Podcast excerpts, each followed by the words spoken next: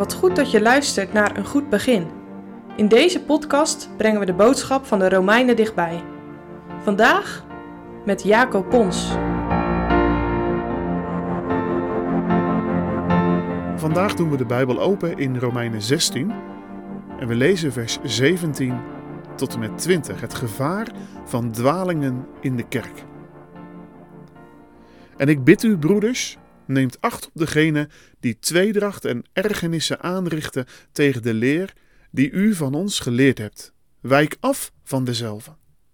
Want de zulke dienen onze Heere Jezus Christus niet, maar hun buik. En verleiden door schoon spreken en prijzen de harten van de eenvoudigen. Want uw gehoorzaamheid is tot kennis van allen gekomen. Ik verblijd mij dan uwenthalve en ik wil dat gij wijs zijt in het goede, maar onnozel in het kwade. En de God des vredes zal de Satan haast onder uw voeten verpletteren.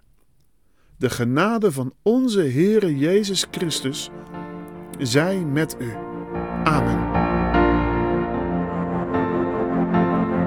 Heb elkaar lief. Daar eindigde het gisteren mee. Maar nu ineens verandert de toon van Paulus. Het lijkt wel of dat hij verontwaardigd is. Ja, je moet elkaar lief hebben als broeders en zusters, maar mensen die oneenigheid in de gemeente teweeg brengen, moet je zoveel mogelijk vermijden. Laat hem maar links liggen. Ik moet zeggen dat ik dat best een heftige opdracht vind.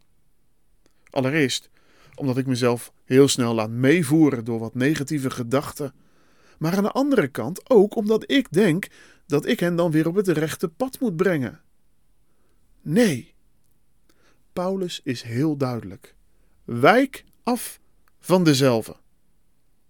Waarom? Ineens is Paulus glashelder, zonder omwegen. Niemand kan er omheen. Ze dienen onze Heere Jezus Christus niet, maar alleen zichzelf. Ze gebruiken prachtige woorden. En wat ze zeggen klinkt helder, overtuigend, aantrekkelijk. Maar hoe herken je dan zulke mensen? Paulus wijst naar wat ze geleerd hebben. Daar moeten ze gehoorzaam aan zijn.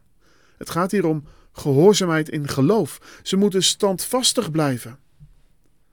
Maar wie zijn dan die mensen die tweedracht zaaien en de onderlinge band verbreken? Het is niet helemaal duidelijk wie Paulus hier op het oog heeft. Maar ik denk dat we wel kunnen zeggen dat het mensen zijn die afwijken van Gods woord. En die dus bijvoorbeeld zeggen dat je ook wel op een andere manier kunt zalig worden. Ingewikkeld hè? Want wat is nu waarheid? Wat is nu de leer van het woord? Hoe moeten we het zien? En ja, wat is een dwaling? Weet je?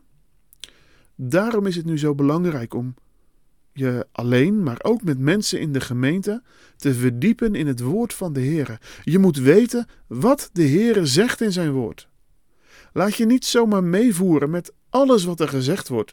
En al helemaal niet met, met negativiteit of geroddel in de gemeente. Doe er niet aan mee. Maar zoek mensen om je heen met wie je samen over de Heere en zijn grote daden kunt praten. Onderwerp je aan zijn woorden. Onderzoek zijn woorden. Want dat woord getuigt immers van de Heere Jezus. En bid ook om verstand en wijsheid, om dwalingen te onderscheiden. Bid om geloof. Wees wakker.